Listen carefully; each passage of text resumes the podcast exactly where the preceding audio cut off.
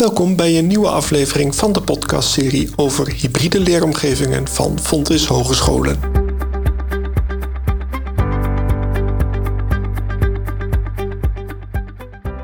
Een hybride leeromgeving is een omgeving waarin studenten, docenten en beroepsoefenaars uit het werkveld samen leren, werken en onderzoeken ten behoeve van vraagstukken die in de praktijk of samenleving spelen. In deze podcastserie kan je luisteren naar mensen die betrokken zijn bij de samenwerking tussen het bedrijfsleven en het hoger beroepsonderwijs. Onder bedrijfsleven verstaan we alle partijen waarmee Fontis Hogescholen samenwerkt in het werkveld. Dat zijn niet alleen commerciële bedrijven, maar ook non-profit instellingen en de overheid. De samenwerking met partijen in het werkveld kent vele benamingen en vormen waarin de samenwerking is vormgegeven. In elke aflevering van deze podcastserie onderzoeken we hoe de samenwerking tussen het bedrijfsleven en het hoger beroepsonderwijs eruit ziet.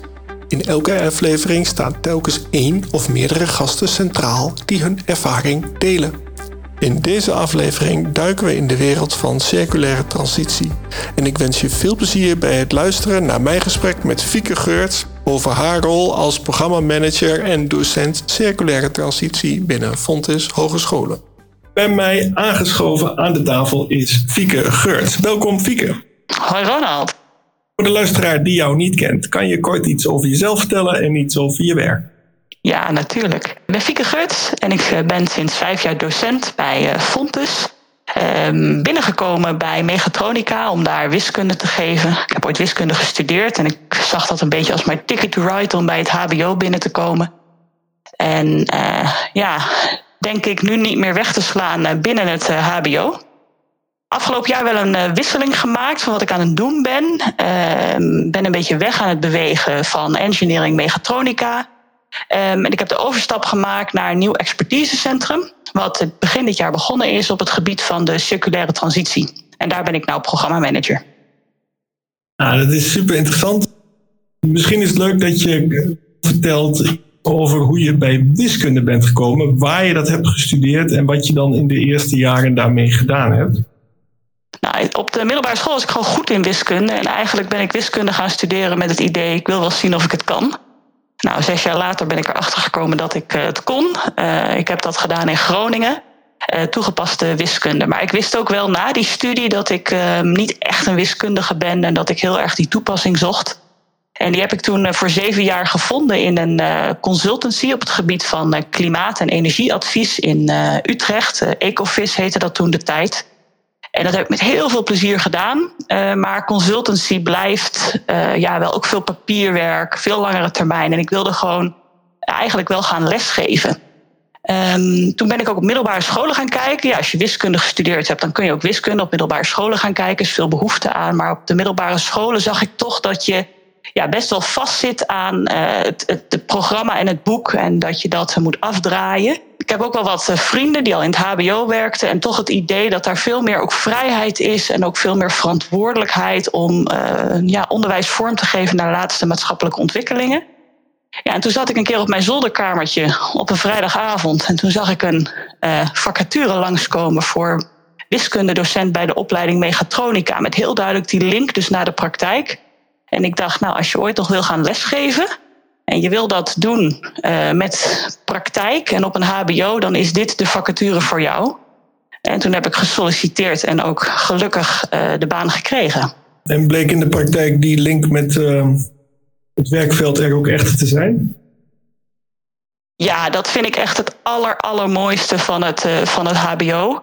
Uh, zelfs voor een heel erg theoretisch vak als wiskunde uh, zie je dat er altijd uh, gezocht wordt naar wat de verbinding nou is met, met de praktijk.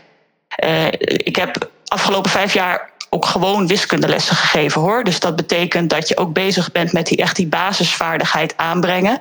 Maar daarnaast zie je dat in het praktijkonderwijs en ook in de stage en de afstuderen um, alle docenten wat ik zie bij een opleiding uh, als mechatronica eigenlijk altijd op zoek zijn en waren naar verbinding met uh, praktijkopdrachten. Ja, voordat we duiken in uh, het werkveld en circulaire transitie, kun je misschien kort toelichten wat software Alex betekent voor het wiskundeonderwijs op het HBO? Oh, het softwareprogramma Alex. Ja. Um, nou, Alex is een, eh, een softwareprogramma op, uh, op het gebied van wiskunde.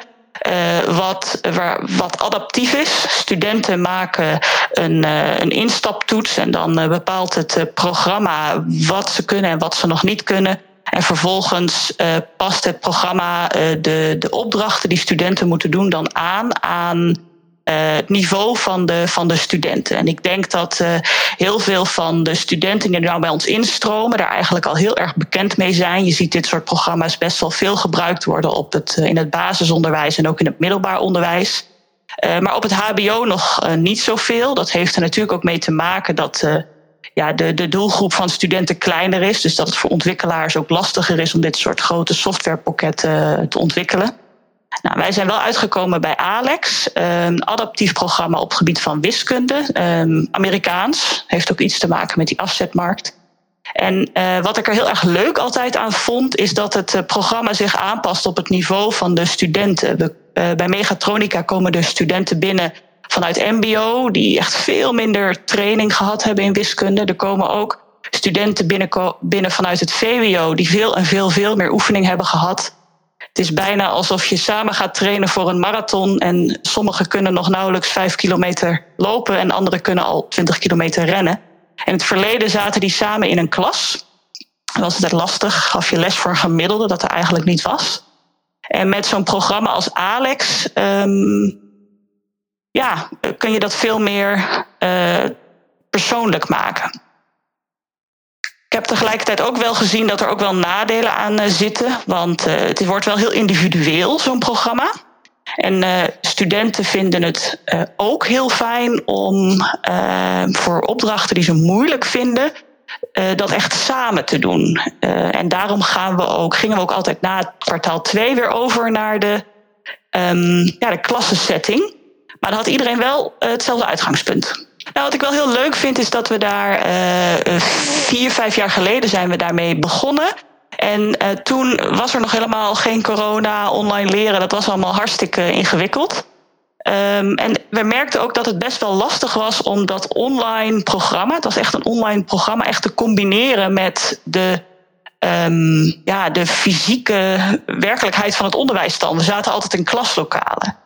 En wat je nu echt ziet, uh, dat de studenten zijn veel meer online, de docenten zijn veel meer online en de begeleiding van dat programma is dus ook veel makkelijker. Uh, we doen dat nu veel individueler. Er zijn geen lessen meer waarin ze aan het werk zijn in Alex. Maar de studenten, als ze aan het werk zijn, kunnen veel makkelijker even via de chat vragen stellen aan docenten.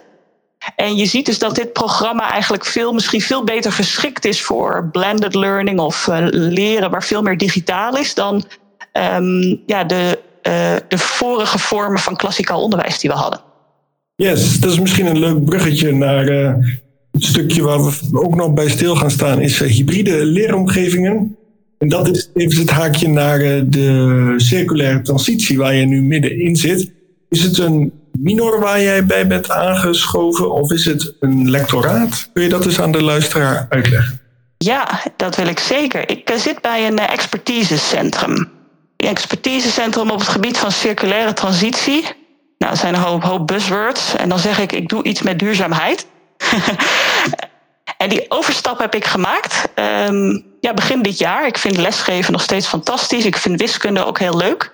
Maar het kriebelde bij mij enorm op het gebied van duurzaamheid, circulariteit, energietransitie. Want ik uh, zie en zag vanuit mijn vorige werk ook dat daar enorme vraagstukken liggen voor de maatschappij um, voor de komende jaren. En ik had altijd het idee dat wat we daar binnen Fontes mee doen, um, ja, niet helemaal in verhouding staat tussen wat er misschien wel de komende jaren staat te gebeuren. En op het moment dat dat expertisecentrum werd opgericht op het gebied van uh, circulaire transitie, dacht ik, ja, daar moet ik bij zijn. En daar wil ik uh, binnen Fontes aan uh, bij gaan dragen om vanuit een expertisecentrum die thema's als circulariteit, um, energietransitie verder vorm te geven. En kun je vertellen hoe dat expertisecentrum eruit ziet? Hoeveel mensen werken daar momenteel aan? En wat zijn de ambities? Zijn er meerjarenplannen of is het een korte termijn plan? Ja, zeker. Nou, een expertisecentrum uh, is op het gebied van circulaire transitie.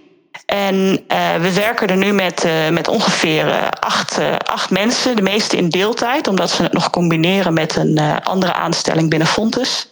En als expertisecentrum um, heb je de opdracht om bedrijfsvraagstukken en maatschappelijke vraagstukken te verbinden aan onderzoek en aan onderwijs. Dus je, je, wij werken in die driehoek van bedrijven, onderwijs, onderzoek. Nou, dan hebben we uh, daarvoor een, een, een, zeg maar een programmamanager die verantwoordelijk is om al die externe contacten te leggen. we hebben twee programmamanagers die dan gaan kijken hoe je het onderzoek en de vragen van bedrijven kan koppelen aan onderwijs. En we hebben nog sinds kort een lector en drie onderzoekers aan het expertisecentrum gekoppeld. Dat is best een grote groep mensen. En wat er echt heel uitdagend aan is, is dat we die, ja, die duurzaamheidsvraagstukken, die circulaire vraagstukken, echt willen benaderen vanuit de complexiteit die het gewoon heeft. Dus niet alleen maar de technische vragen, maar ook de economische vragen, ook de sociologische vragen.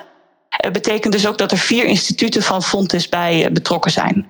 Nou, mijn rol daarin is dat ik echt die verbinding met het onderwijs wil leggen. Ik voel me echt een docent. De dag dat ik Fontes binnenliep, dacht ik, ja, dit is de plek waar ik wil, wil werken. En ik uh, wil heel graag kijken hoe al die vragen van bedrijven, hoe die gekoppeld kunnen worden aan, aan onderwijs. En dat betekent dus ook niet dus dat ik uh, binnen één um, lesprogramma of één minor of één opleiding een onderwijstaak heb, maar dat ik vooral nu uh, samen met heel veel mensen binnen Fontes aan het kijken ben waar uh, de mogelijkheden liggen om die maatschappelijke vragen rondom circulariteit iets meer in het onderwijs te krijgen. Klinkt goed. Misschien is het voor de luisteraar handig dat je dus twee um, aspecten belicht. Eén is je noemde vier instituten vanuit Fontes zijn betrokken. Misschien is het aardig dat je benoemt welke dat zijn. En ben ook heel benieuwd welke bedrijven of welke instanties zijn er op dit moment bij betrokken? De instituten die op dit moment betrokken erbij zijn, is vanuit de techniek is dat het instituut eh, toegepaste natuurwetenschappen. En vanuit eh, de economische kant is dat het eh, instituut van Fontes Economie en Communicatie. En dan hebben we nog HRM Psychologie en Social Studies. Dus dat zijn de vier instituten van, van Fontes die daarbij betrokken zijn. En vanuit het werkveld zijn er al bedrijven aangeschoven misschien? Ja, er zijn veel bedrijven al, al aangesloten. We hebben allereerst een raad van advies. Dat is een beetje een formeel ding. Uh, ja, Zo'n expertisecentrum is ook een beetje een formeel ding. Uh, maar bij de Raad van Advies zijn bijvoorbeeld de Rabobank, Renewy als, als bedrijven aangesloten. Maar ook de provincie en de gemeente. En bijvoorbeeld ook Brainport Development. Dus je ziet daar dat zowel bedrijfsleven als overheid daarin zitten. En we zijn ook aan het kijken hoe wij maatschappelijke organisaties rondom bijvoorbeeld um, consumenten ook kunnen laten aanhaken. En kan je eens uitleggen aan de luisteraar wat die circulaire transitie dan precies inhoudt? Ja hoor. Um, en kijk uit, Ronald, want uh, het ligt na aan mijn hart, die hele circulaire vraagstuk. Dus je gooit nou één vraag erin en je loopt het risico dat ik een, uh, een uur erover aan het kletsen ben. Maar goed, wat is dan die uh, circulaire transitie? Circulaire transitie is het idee dat we op dit moment als maatschappij um, op een manier leven die eigenlijk niet volhoudbaar is voor, voor de, de komende generaties. We gebruiken grondstoffen.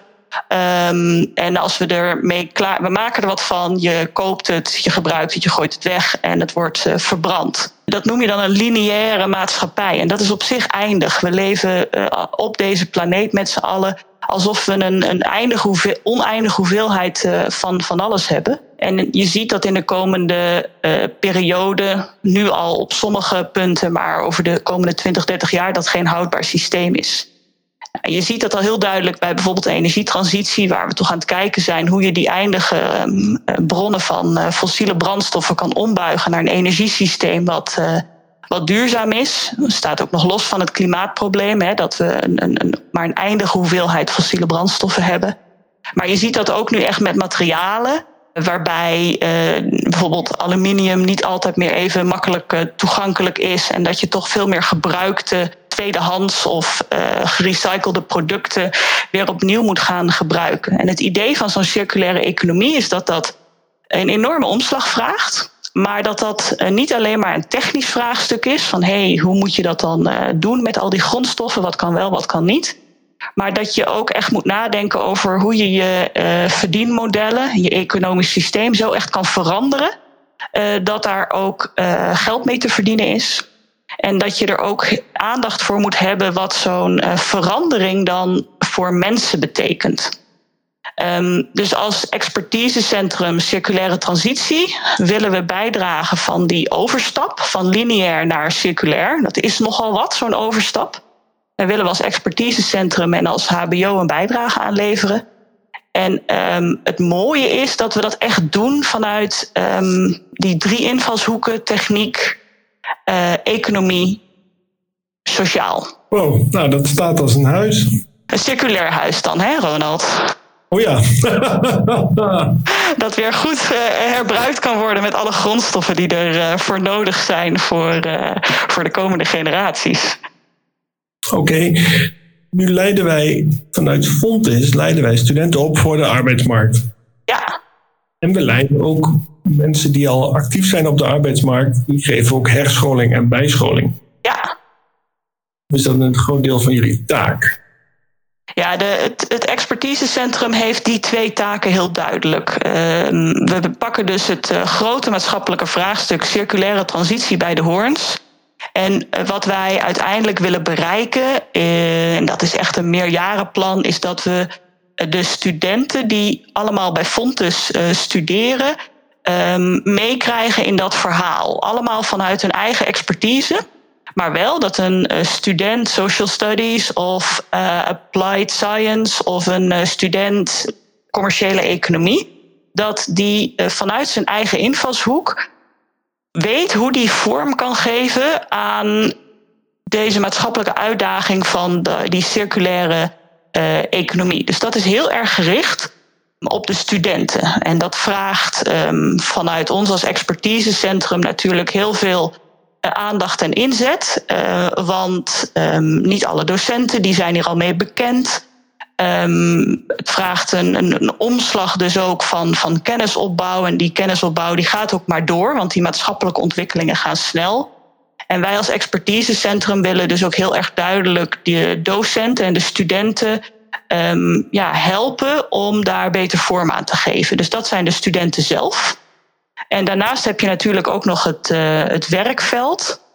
En wij zien als expertisecentrum echt een enorme vraag vanuit het bedrijfsleven die op ons afkomt. Uh, we ervaren dat heel veel bedrijven hier echt wel wat mee willen, maar dat ze ook zelf nog niet goed weten uh, hoe ze dat dan moeten doen. En voor een bedrijf, en met name natuurlijk een MKB-bedrijf, um, ja, die heeft gewoon zijn business te runnen, helemaal in coronatijd.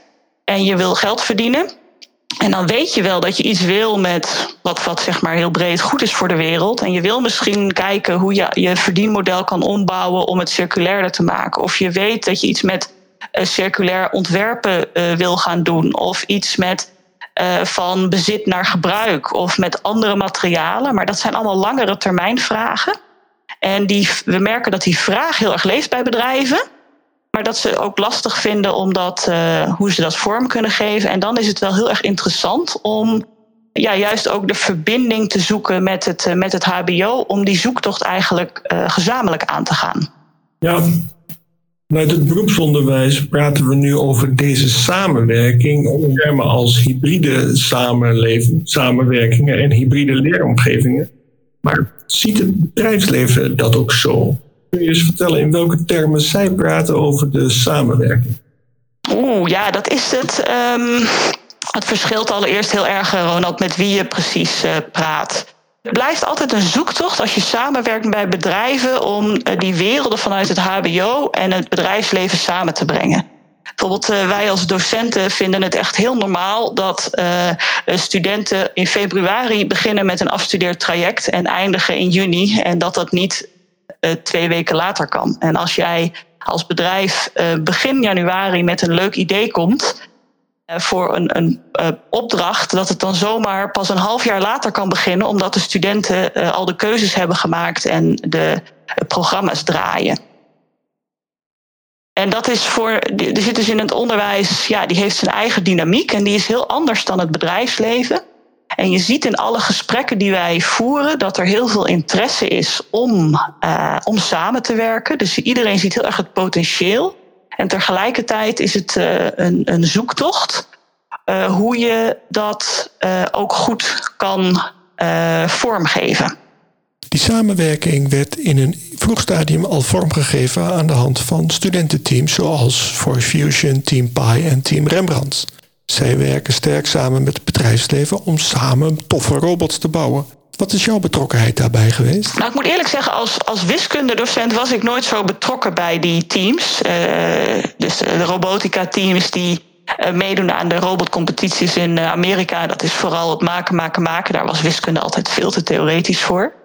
Um, maar ik, ik was uh, natuurlijk dit thema van circulariteit, duurzaamheid, was ik het steeds meer met studenten uh, over aan het hebben. En toen kwam ik op een gegeven moment ook met wat studenten van in dit geval Team Pi in aanraking. En die zeiden eigenlijk, hé, hey, daar, um, daar willen we wel wat mee.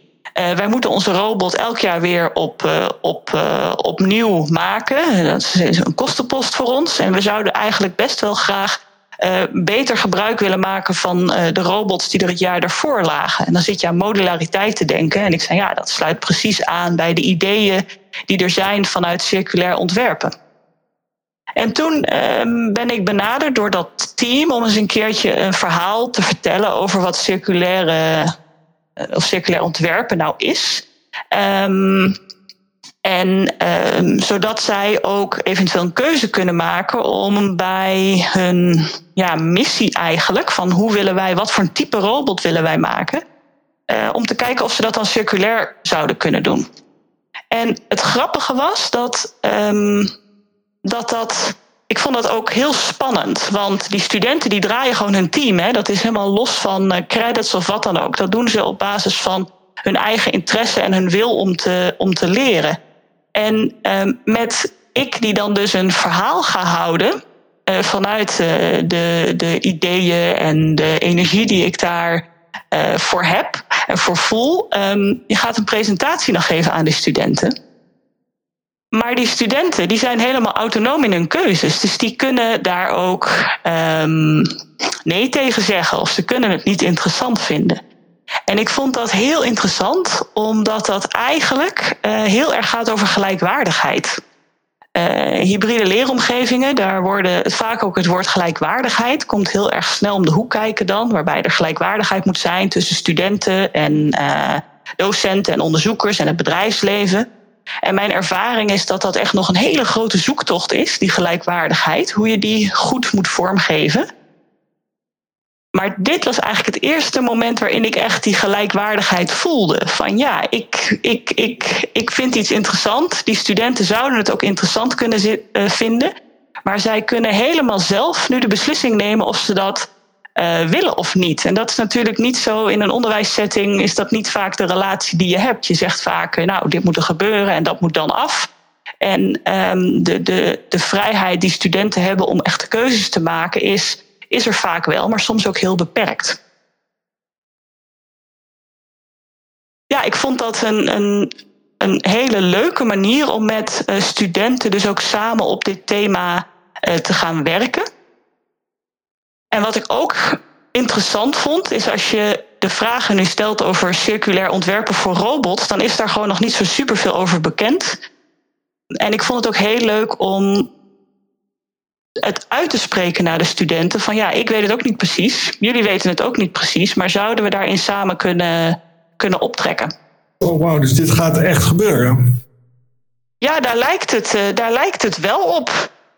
En het mooie daar dan van ook is, is dat het, ja, gaat het gebeuren? Ik denk dat het belangrijkste is dat, dat er energie en de, is, er is en de intentie er is. En dat dat opgepakt gaat worden en iets is wat in de komende jaren echt gaat, gaat groeien.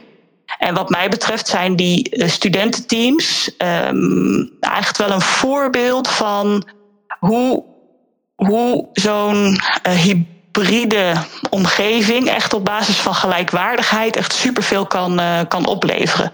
Ik denk dat we daarbij engineering ja, echt goud in handen hebben, zowel als opleiding, maar ook als studenten.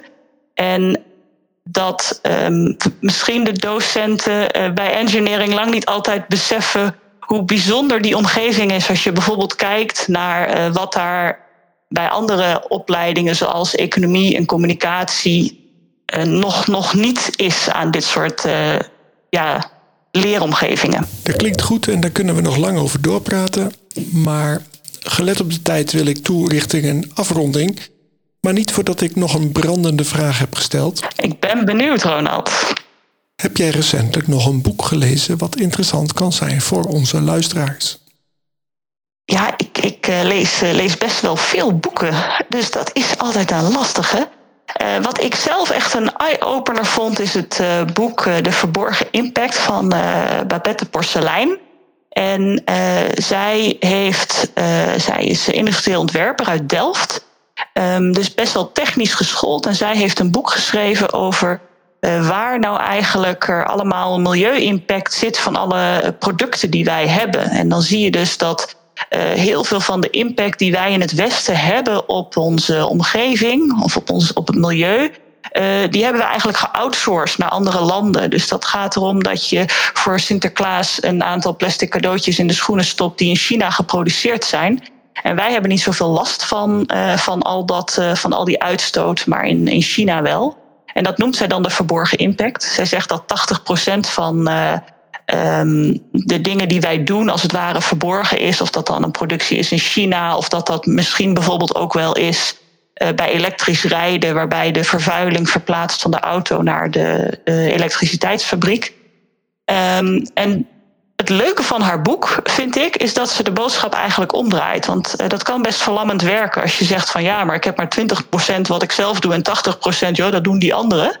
Maar zij draait hem om. Zij zegt ja, maar dat betekent ook dat met slimme acties um, en ook slim consumentengedrag je een enorme invloed kan hebben over op die 80%. Uh, van bijvoorbeeld het, uh, het om overstappen van uh, de ene bank naar de andere bank. van een bank die investeert in fossiel naar het overstappen van een bank die dat, die dat niet doet. Dat is een, een actie die jou als consument eigenlijk helemaal niks kost. Maar die juist in dit soort ketens buiten je eerste zicht heel veel effect kan hebben. En dat was voor mij echt een boek met een eye-opener. En ik merk ook dat het voor uh, studenten een eye-opener is, omdat het gewoon heel uh, praktisch werkbaar is.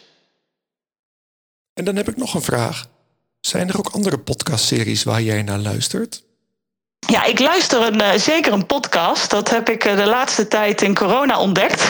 En eigenlijk komt het doordat mijn, mijn dochter heeft zwemles. En ik zat altijd aan de rand van het zwembad, maar dat mag nou niet meer. Dus dan, dan moet je buiten wachten. En ben maar eens gaan wandelen, terwijl ik dat uurtje moet wachten. En dan luister ik tegenwoordig de podcast van uh, Harm Edens, uh, BNR Radio, uh, The Green Quest. Wat ik van die Green Quest heel leuk vind, is dat het een Harm Edens is daar met heel veel humor aan het zoeken naar alle innovatie die er in Nederland plaatsvindt om, zoals hij dat noemt, een volhoudbare wereld te, te, voor elkaar te krijgen met z'n allen ik vind het heel leuk hoe hij op een hele positieve uh, manier uh, daarmee bezig is. Ik denk dat als je het hebt over de grote vraagstukken die op ons afkomen, duurzaamheid, klimaatverandering, dat dat soms ook best wel verlammend werkt bij mensen, omdat uh, die problemen misschien wel zo groot zijn. En hij weet daar um, een hele leuke draai aan te geven. Aan de ene kant is hij serieus over wat er op ons afkomt maar met heel veel humor. En laat hij ook zien wat een uh, enorme energie er is om op allerlei vlakken oplossingen te, te vinden. Wauw, interessant. Ja, dan moet je hem wel gaan luisteren, Ronald. Dat zou ik graag willen, maar ik heb een lange lijst met podcasts die ik nog moet luisteren. Ja, dat zal wel, dat zal. Ja, we kunnen niet alles in ons leven, dus dat uh, er is te veel wat dat betreft. Ik wil je afsluitend nog vragen: heb ik iets gemist of wil je nog wat toevoegen? Ik vond het een heel leuk gesprek, Ronald. En um, ik zou het gesprek misschien willen afsluiten met een, uh, met een uitnodiging. Um, we zijn dus begin dit jaar als Fontes begonnen met dat expertisecentrum op dat grote vraagstuk van circulariteit. En uiteindelijk is dat iets wat je samen doet met iedereen. Je doet het samen met de studenten die iets willen met circulariteit. Je doet het samen met de docenten die daar misschien wel meer mee willen dan dat ze op dit moment in hun eigen vakken doen. Maar ook samen met eh, bedrijven en overheden. En ik zou vooral ook uh, iedereen vanuit Fontes of uh, die iets met Fontes wil doen, willen uitnodigen om met mij of het expertisecentrum contact op te nemen. Voor nu, Fieke, wil ik jou hartelijk bedanken voor dit gesprek. Graag gedaan. En daarmee zijn we aan het einde gekomen van mijn gesprek met Fieke Geurt over de circulaire transitie. Vanaf deze plek wil ik iedereen bedanken die heeft bijgedragen aan de totstandkoming van niet alleen deze aflevering, maar ook van de afleveringen die al opgenomen zijn. We hebben echt een aantal interessante sprekers voor de komende tijd, dus vergeet je niet te abonneren op deze podcastserie, zodat je op de hoogte blijft zodra er weer een nieuwe aflevering beschikbaar komt. En tot slot een oproep aan iedereen die ervaring heeft met de samenwerking tussen het beroepsonderwijs en het bedrijfsleven. Meld je aan, dan kom ik graag in gesprek met jou. Kortom, meld je aan door een berichtje te sturen aan r.scheer.fontes.nl. Neem ook eens een kijkje op fontes.nl slash hybride leeromgevingen. Daar vind je meer over de verschillende programmalijnen, zoals begeleiden, beoordelen en samenwerken. Dank voor het luisteren en graag tot binnenkort, want dan staat er weer een nieuwe aflevering voor je klaar. Graag tot dan.